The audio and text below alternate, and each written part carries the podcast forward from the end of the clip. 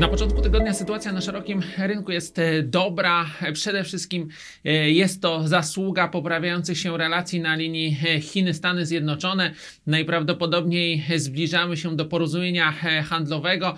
Tak wynika chociażby z wypowiedzi sekretarza Skarbu Stanów Zjednoczonych, tłumaczącego, że ten deal, to porozumienie będzie miało charakter symetryczny, więc jeżeli Stany Zjednoczone nie będą dopełniać pewnych zobowiązań, to również na Stany Zjednoczone e, zostaną nałożone e, kary. Takie e, samobicie się w piersi jest dobrym sygnałem.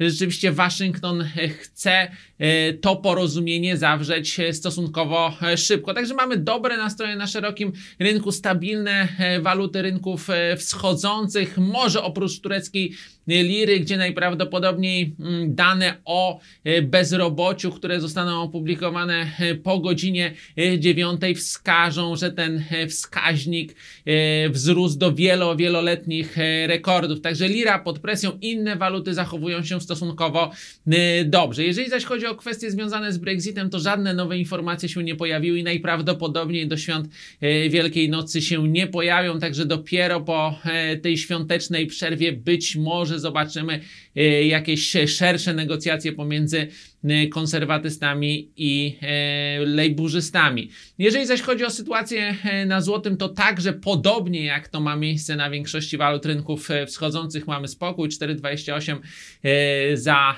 euro. Płacimy o poranku.